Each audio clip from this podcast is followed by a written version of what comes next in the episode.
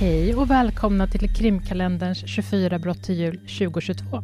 Välkomna! Jag heter Jenny. Och jag heter Sofia. Och det här är ju en julkalender, vilket betyder 24 avsnitt i december från den första ända fram till julafton. Och vårt Instagramkonto som heter krimkalendern ska ni absolut följa. Där lägger vi upp bilder som har med alla fall att göra. Och vill man stötta oss så gör man det genom att bli månadsgivare.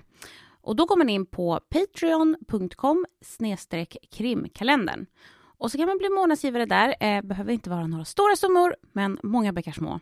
Och gör man det så får man tillgång till ett bonusavsnitt de, varje månad. De månader vi inte gör ordinarie avsnitt. Ja, och just nu ligger det 19 avsnitt och väntar. Ja, precis. Och de växer ju i antal. Ja. Men nu är det dags för julkalender.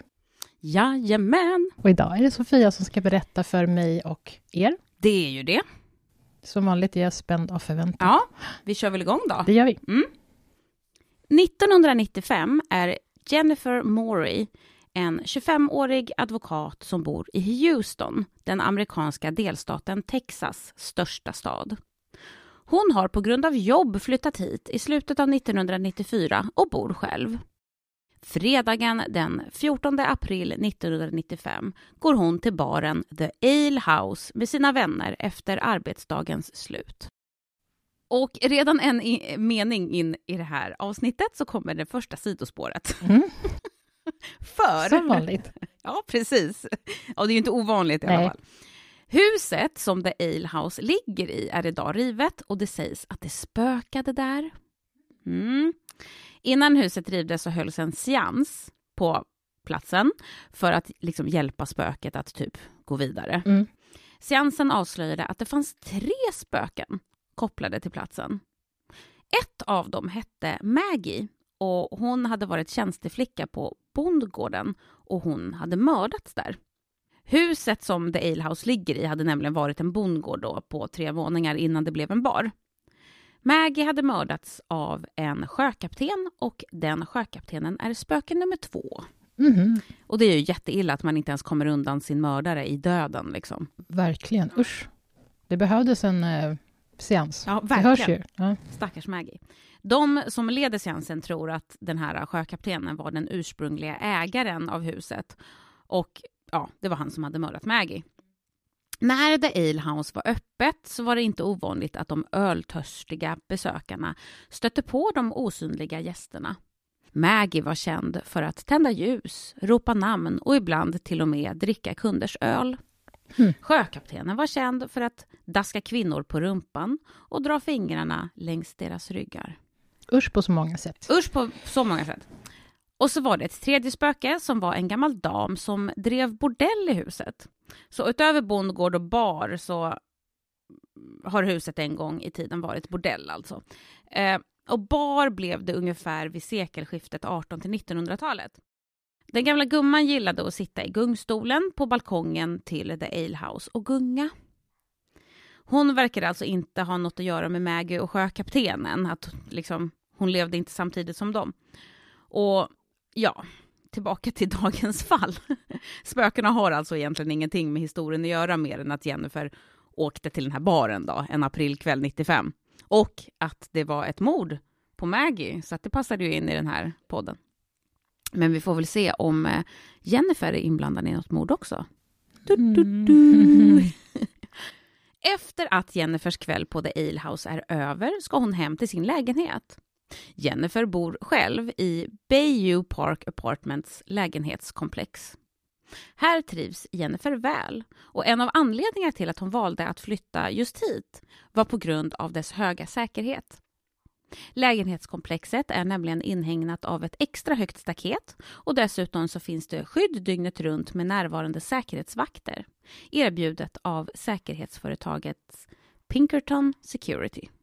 Det finns allt som allt 20 lägenheter, alla av storlek lagom till en person och 17 av dem är uthyrda.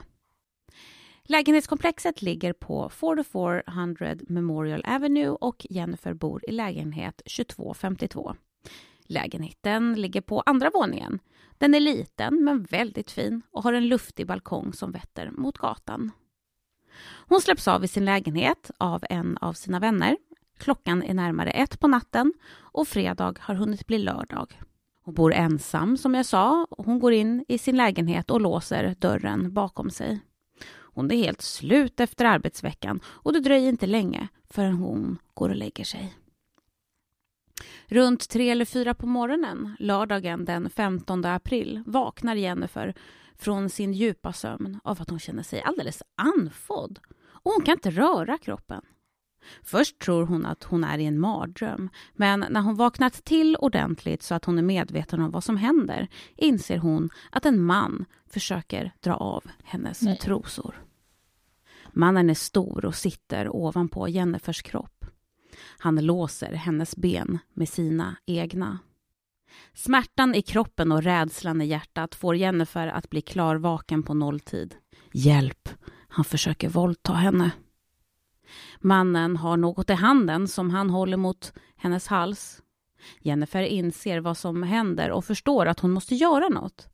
Risken att bli våldtagen är illa nog. Kanske är han dessutom ute efter att mörda henne. Mm. Hon försöker övertyga mannen om att låta henne gå, låta henne leva. Men hennes böner faller för döva öron. Jennifer byter taktik och gör nu fysiskt motstånd. Hon slåss, hon skriker och hon tar tag i honom och hon knuffar på honom för att försöka få honom ifrån sig. Och när hon tar tag i hans händer så inser hon att det är en kniv som han har mot hennes strupe. Knivens ägg gör hennes kamp mot mannen outhärdlig. Jennifers ansikte och armar repas snabbt. Stimulerad av smärtan skriker Jennifer ännu högre. Hon ropar efter hjälp. Hon skriker så högt att hon väcker alla sina grannar. Ändå är det ingen av dem som varken ringer larmnumret 911 eller kommer till hennes undsättning. Och det beror eventuellt på att de flesta människor suger. Ja, verkligen. Hm. Det kan också vara på grund av åskådareffekten. Mm. Vet du vad, vad det är? Nej. Nej. Eh, faktaruta. Enligt en nyhetsartikel i The New York Times bevittnade 38 personer hur en gärningsman knivhögg, våldförde sig på och mördade Kitty Genovese 1964. Ingen ingrep eller ringde polisen förrän efter mannen hade flytt från platsen. Händelsen ledde till studier av det som är känt som åskådareffekten, på engelska kallat the bystander effect. Det är en socialpsykologisk teori som går ut på att ju fler personer som ser någon som är i nöd, desto mindre benägenhet har varje individ att ingripa. Psykologiforskarna eh, Latané och Darley uttalas mm. garanterat så, mm, förklarade fenomenet med så kallad ansvarsdiffusion. Och med det menas att ju fler som bevittnar en händelse, desto mindre personligt ansvar känner var och en som ser på. Aha, typ, typ någon... någon... annan har säkert redan ringt polisen, ja. så jag behöver inte göra det. Nej. I Jennifers fall skulle det alltså innebära att grannarna hör att något hemskt händer, men att var och en av dem tänker att det är så många som hör det här, så att det är säkerligen någon annan som ringer efter polis. Eller så kan man ringa ändå. Ja, det kan man göra. Eh, så att eh, det kan vi ju berätta för er alla där ute. Ring polisen. Ja. ja. Så. Alltså inte nu, men om ni hör något. men nej, det, jag har inte talat om det. Nej, men det, det är en grej. Det är en grej, säger jag. Eh, låter så akademisk och intelligent. Ja. Det, Jenny, det är en grej. Ja, jag förstår det. Frågan är ju liksom hur man liksom, alltså hur man lever med sig själv efteråt, när man fattar att nej, det var ingen som ringde och du var en av de som inte ringde. Ja. Jennifer fortsätter att skrika och slåss och medan det händer säger hennes överfallare till henne Shut up, Jennifer. Mm. Han kan hennes namn. Han vet vem hon är. Alltså på svenska, håll käften, Jennifer. Så han vet vad hon heter, vilket gör, alltså det ger mig på riktigt freaking gåshud. Ja. Jennifer har dock ingen aning om vem hennes överfallare är. Mannen uppmanar henne också att lyda för att han inte ska skada henne. Är han maskerad? Vet man det? Det vet jag faktiskt inte. Men hon vet i alla fall inte vem det är. Nej. Men just den biten då, med att eh, han inte ska skada henne, det är redan för sent. Under kampen skär mannen Jennifer Han skär hennes ansikte, hals, hennes armar och bröst. Och det där med att lyda, den biten, det är inte Jennifers avsikt. Hon fortsätter slåss mot mannen, vilket retar upp honom. Han svänger häftigt med kniven fram och tillbaka, vilket till sist stoppar Jennifers motattack. Kniven tränger in under hennes höger öra och skär ett djupt oh. sår hela vägen ner till den vänstra sidan av hennes hals. Såret är enormt och det blöder kraftigt. Och det har beskrivits som att det ser ut som en andra mun. Oh, fy. Sa du från höger öra till vänster sida, alltså yeah. tvärs över? Yes. Och man kan ju stanna upp vid den förklaringen lite och bara föreställa sig hur illa ja. det ser ut. Mm. Jennifer vågar inte längre varken ropa efter hjälp eller göra motstånd. Hon faller hjälplöst till marken av skräck. Den starka lukten av blod verkar få den mycket ovälkomna inkräktaren att ge upp tanken på att antasta Jennifer. Istället tar han tag i hennes blonda hår och leder henne med det greppet in i lägenhetens badrum. Med kall ton säger han Go inside and wait to die. If you dare to climb out, it will be your dead. På svenska, in med dig och vänta på att dö. Om du vågar dig ut så blir det din död. Slut citat. Efter den kommentaren vänder sig mannen om, försvinner i mörkret och lämnar Jennifer ensam i badrummet. Nu är hon här, i sitt eget badrum, allvarligt skadad och kraftigt blödande. Kommer hon ut är hon död, men i ärlighetens namn känns det redan som att han har försökt mörda henne. Och med tanke på hur han knivskurit henne kanske han redan lyckats. Kanske kommer hon inte överleva de här skadorna. Oavsett vad är Jennifer inte redo på att ge upp. Det finns inget lås på badrumsdörren och hon bestämmer sig för att försöka kila igen dörren så att han inte kan komma in. Hon litar inte på att det bara är om hon kommer ut därifrån som han tänker mörda henne. Han kan mycket väl tänkas komma in för att sätta planen i verket. Jennifer kilar igen dörren genom att liksom glida ner med ryggen mot dörren tills hon sitter på golvet och så spjärnar hon liksom emot fötterna mot badkaret som är ja. mitt emot. Med toalettpapper försöker Jennifer stoppa blödningen från det stora såret i halsen trots att det botemedlet inte direkt är effektivt. Sittandes här stannar hon ett tag och lyssnar. Hon tycker sig höra mannen gå runt i hennes vardagsrum där ute. Sen låter det som att en dragkedja dras upp. Till sist tror hon sig höra sin överfallare gå därifrån. Och sen är allt tyst. Hon lyssnar efter fler ljud, men efter ett tags tystnad bestämmer hon sig för att hon måste försöka få hjälp, annars kommer hon dö. Hon får helt enkelt hoppas på att mannen har gått. Jennifer reser sig från badrumsgolvet och försöker öppna dörren, men det går inte. Hon har så mycket blod på händerna och får inget bra grepp om knoppen som behöver vridas om. Och det är väl amerikanska ja, sån här rund durg. Ja, precis. Ja. Jag har aldrig fattat det. Inte jag heller. Nej. De är svåra även utan blod ja, på händerna. Ja, eller hur? Ja. Till sist så får hon ett grepp, men då lyckas hon ändå inte få upp dörren. Hon har helt enkelt klämt fast den så hårt att den inte går att öppna. Det är verkligen opassande, men Jennifer kan inte låta bli att skratta. Tänk om hon på något sätt lyckas låsa in sig själv i badrummet, som inte har något lås på dörren, och att det är så hon kommer dö. Det mänskliga sinnets fantastiska förmåga att se humor, helt enkelt. Det är en risk, det vet hon. Men vad ska hon göra? Jennifer sparkar på dörren. Är mannen kvar kommer han garanterat höra att hon gör just det han varnat henne för att göra. Till slut lyckas hon lyckligtvis öppna badrumsdörren och hon tassar försiktigt ut i den mörka lägenheten. Ingen är där. Hon trycker på strömbrytaren för att tända belysningen, men inget händer. Hon tar sig fram genom mörkret till telefonen, men den ger ingen signal. Det finns alltså ingen ström i lägenheten, varken belysning eller telefon fungerar. Och det här var på 90-talet då? Ja. Eller? Så inte så mycket mobiltelefoner? Ännu. Nej. Har mannen kapat både ström och telefonledning? Han har verkligen ansträngt sig för att Jennifer inte ska kunna tillkalla hjälp. Men vad han inte vet är att Jennifer faktiskt har en mobiltelefon. Jaha, vad bra. Så han hade ju antagit, kan man tro. Ja. Det du just antog, att hon inte har den. För det var inte speciellt vanligt 1995. Jennifer letar reda på sin mobiltelefon och ringer larmnumret 911. Hon säger gråtandes. Help me, my neck was cut by someone. Although I have been pressing the wound, it is still bleeding. På svenska. Hjälp mig, någon skar mig i halsen.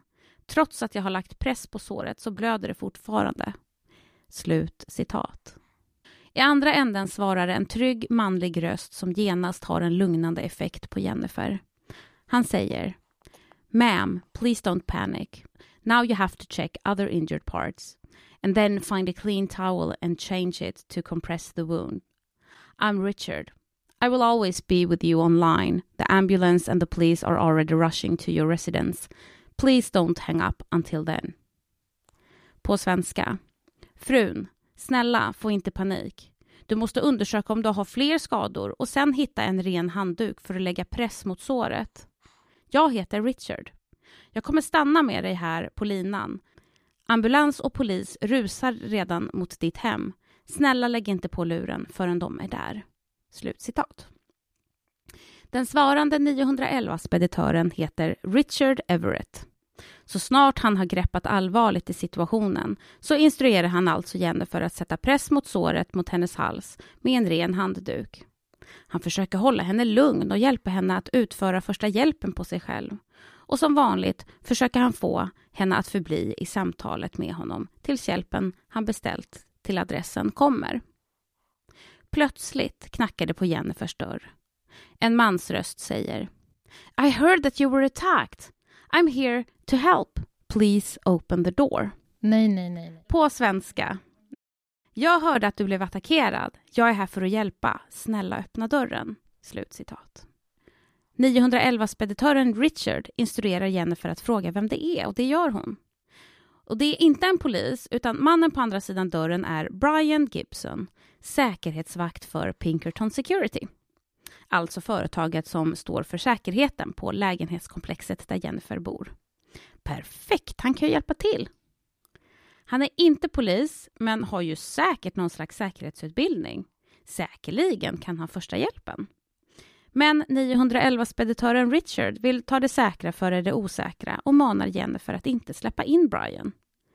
Polisen har inte kontaktat Pinkerton om situationen och det är skumt, tycker Richard, att Brian vet om nödsituationen. Kanske är han lite nojig här, för Brian kan ju veta om att någonting händer i byggnaden ändå, inte minst med tanke på att Jennifer har skrikit Ja. så högt så att liksom alla grannar har vaknat. Mm.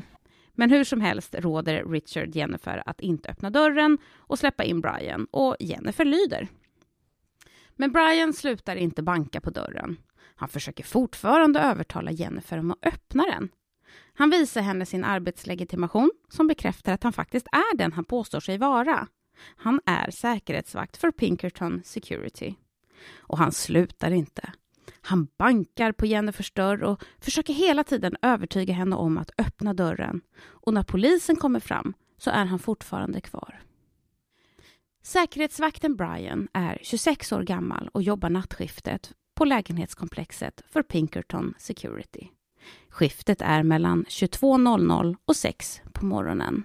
När polisen träffar på honom där utanför Jennifers dörr möter de en sårad man som blöder. Medan Brian har gått en av sina regelbundna rundor tidigare på natten så ser han någon hoppa ner från Jennifers balkong på andra våningen och mannen landar mer eller mindre ovanpå honom. Ja, Och det de är därför han slåss. vet. Ja. Ja. Mannen skär Brian med kniv i hans högra arm och kommer sedan undan. Brian, med blod över sin uniform, förklarar allt det här för sergeant Glenn Matthews som förstår att det ju faktiskt är något av en hjälte han har framför sig. Samtidigt är det såklart polis inne hos Jennifer i lägenheten. Lägenheten är täckt med blod och det finns tydliga spår efter slagsmål.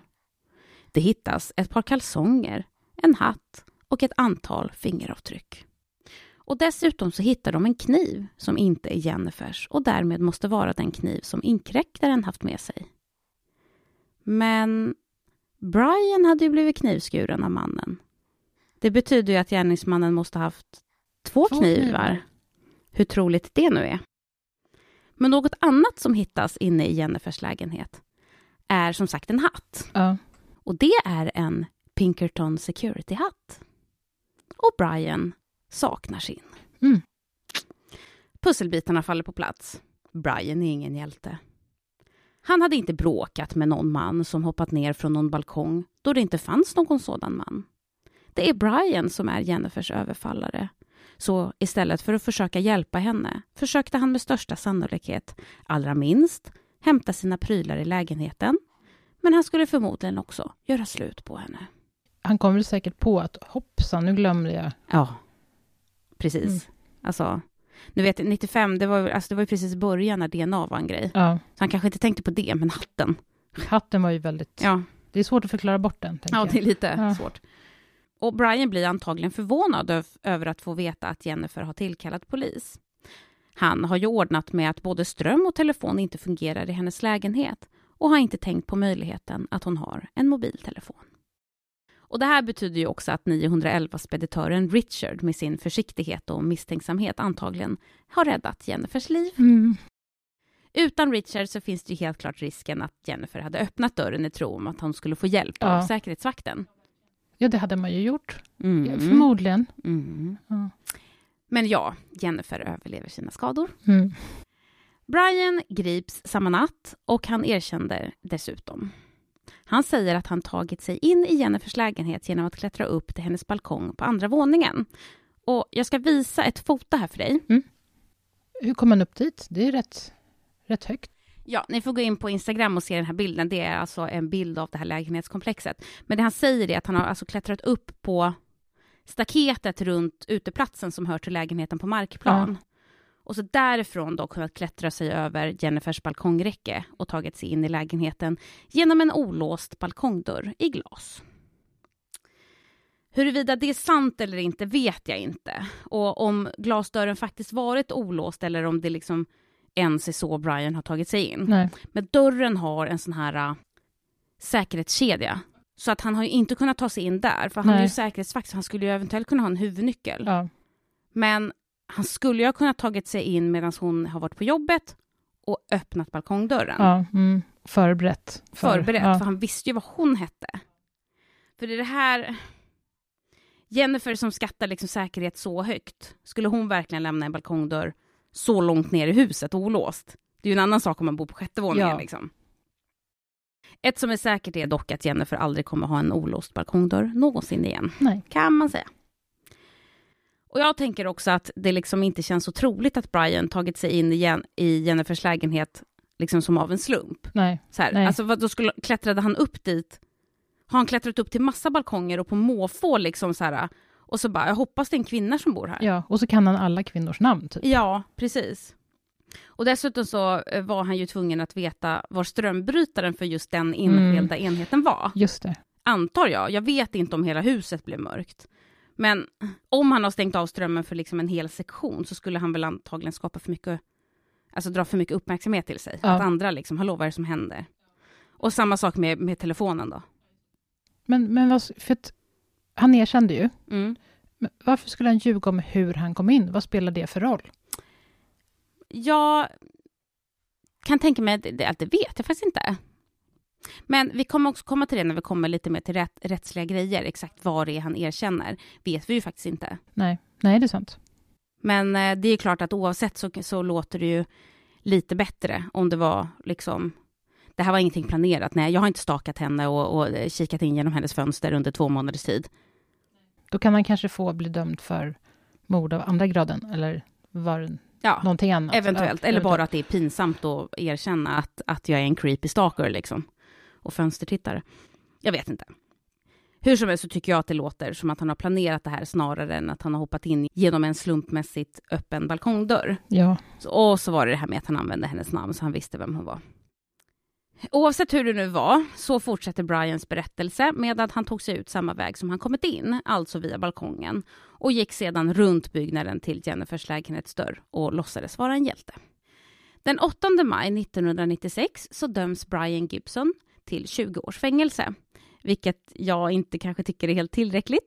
Men det han döms för är bostadsinbrott. Va? Och det är alltså ett separat lagbrott att begå inbrott i en bostad. För det anses värre än att begå inbrott i till exempel en butik, som liksom Ja. inte är någons hem. Nej. Och det kan jag hålla med om, är en annan grej. För det är ju det att, att man tänker så här att det är en, det gör väl ingenting om jag, jag, jag skadar ju ingen fysiskt om jag tar mig in hos någon och stjäl deras grejer. Mm. Men det är inte riktigt sant, Nej. för att det har ju påvisats att människor som har haft inbrott, alltså de, du vet, man känner sig inte trygg i sitt eget hem och så vidare och att det är fruktansvärt liksom. Jag har av någon anledning haft svårt att hitta när Brian kommer ut ur fängelset, men han är ju i alla fall ute med tanke på att han fick 20 år Ja. och det har gått 20 år. Väl ute är han dock inte helt fri. Han ha- är en registrerad sexförbrytare klassad som en lågriskare. Och vad som då krävs för att vara en medel eller högriskare, det känns väldigt oklart. Ja. Måste man rent faktiskt mörda någon då liksom? För att jag menar, kom igen. Jag hade ingen aning om att de klassificerades. Nej, det visste inte jag heller. Men jag har en, eh, jag ska läsa några meningar till och sen så kommer vi till en faktaruta Jaha. till. Utöver det faktum att Brian ju faktiskt försökt mörda Jennifer så är det ju liksom så illa att det är just en säkerhetsvakt. Det är liksom ett extra svek när någon som har en ställning som ska liksom upprätthålla ordning, hålla, hålla en säker och hjälpa en. Och att det är liksom den som är en brottsutövare. Han hade ju utnyttjat det också när han försökte ta sig in till Jennifer genom dörren. Mm. Att vara liksom, nej, det är jag, säkerhetsvakten, titta min legitimation, släpp in mig. Usch, tänk om Brian tog jobbet som säkerhetsvakt, typ just för att kunna göra sånt här, har jag också tänkt på. Hur som helst så är Brian ute nu och är i sexualförbrytarregistret. Och nu kommer vi till faktarutan. För vad är det mer exakt? Jo, det är ett register i USA, men också, det finns också i andra länder, som innehåller de personer som har varnats, dömts eller släppts från fängelse för sexualbrott mot både barn och vuxna sedan 1997. De brott som kan leda till att man hamnar i registret är ganska många. Det faktum att man innehar oanständiga bilder är ett av brotten, så man kan alltså hamna där trots att man liksom inte har utfört något fysiskt övergrepp av annan person. Och med det menar jag absolut inte att oanständiga bilder är liksom inte är så illa. Nej. Utan Nej. jag ville bara lyfta fram att det är en stor bredd. Ja. Inte Mm. så här, "Åh, det var ju bara, Nej, liksom, utan det är ju helt. ett övergrepp det också. Att vara listad i registret innebär inte bara att vem som helst kan gå in och liksom hitta ens namn där, utan det innebär lite annat också. Brottslingen kan förvänta sig att polisen tar fotografier av dem och detaljer som läggs till den nationella polisdatabasen. Polisen kan komma att göra periodiska hembesök för att kontrollera att de människor som säger sig vara där befinner sig där. Mm. Hur ofta besöken kommer beror på risknivån. Registreringen måste förnyas på årsbasis. Namn eller adressändringar ska lämnas till polisen inom tre dagar. Ska brottslingen resa bort mer än sju dagar måste polisen underrättas inom tre dagar. Gör man inget av det här ovan så kommer det också vara ett brott. Och hur länge man stannar i registret beror också på längden på straffet som man har dömts till.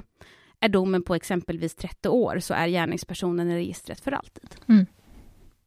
Om man då slår upp Brian i det här registret hittar man en aktuell bild av honom och adressen var han bor. Men han dömdes ju inte för det. Han dömdes ju för, bara för... Ja, men han är där ändå. Aha. Så att någon slags, det kan ju vara att så här, du döms för bostadsinbrott och du får 30 år i fängelse plus att du ska vara i det här registret. Ja.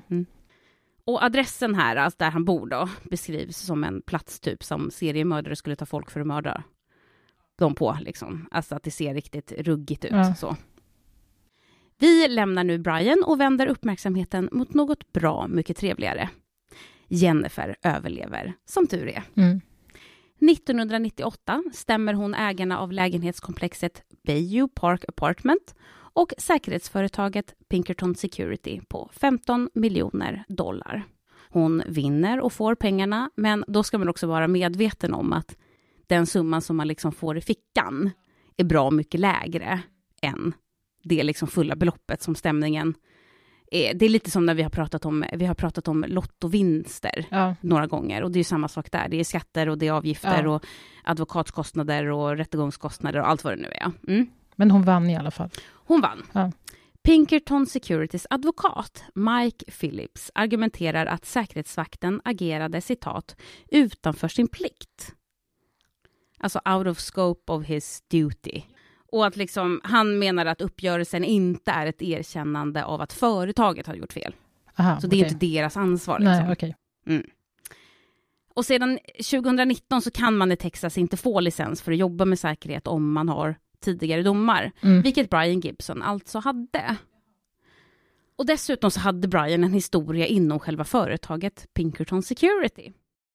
Han hade börjat jobba för företaget 1992 för 5,25 dollar per timme, vilket är en dollar mer än minimilönen vid den tiden.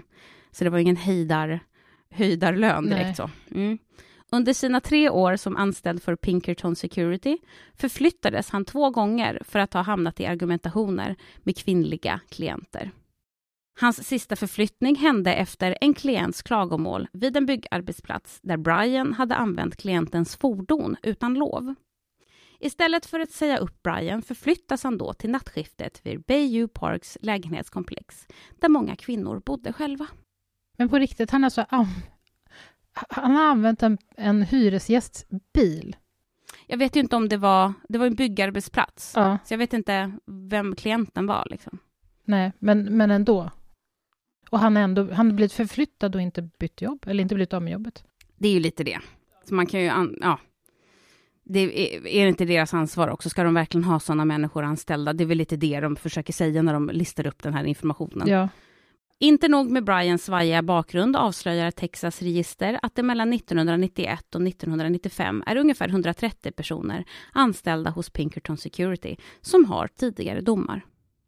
Och man tror att det är antagligen är därför typ stämningen hade nått en förlikning. ja. För att det var en sån stor grej. Det var inte bara den här. Enstaka fall. Nej. Nej. Och det är ju liksom helt galet egentligen att en brottsling, såklart lite beroende på vad man har begått för brott, Ja. liksom ska få jobba i en ställning där man ska skydda andra. Beroende på vad man har blivit dömd för. Men lyckligtvis så är inte det här en mordhistoria. Det är en överlevnadshistoria.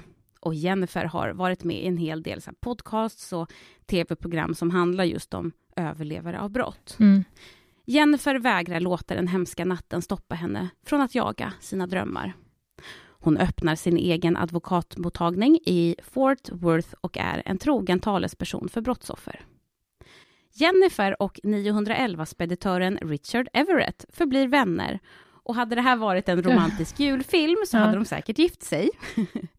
Men i verkligheten så är Richard i alla fall en hedersgäst på Jennifers bröllop när hon gifter sig. Oh. Om Richard så säger Jennifer Having instinct, intuition and a big heart, Richard saved my life. And for that, he will always be one of the most important people that's ever impacted my life. På svenska. Med instinkt, intuition och ett stort hjärta räddade Richard mitt liv. Och för det kommer han alltid vara en av de allra viktigaste personerna i mitt liv. Slut citat. 911 speditörer är verkligen ofta brottsbekämpningens obesjungna hjältar. Mm. Poliser syns på gatan, i tidningar och pratar i tv.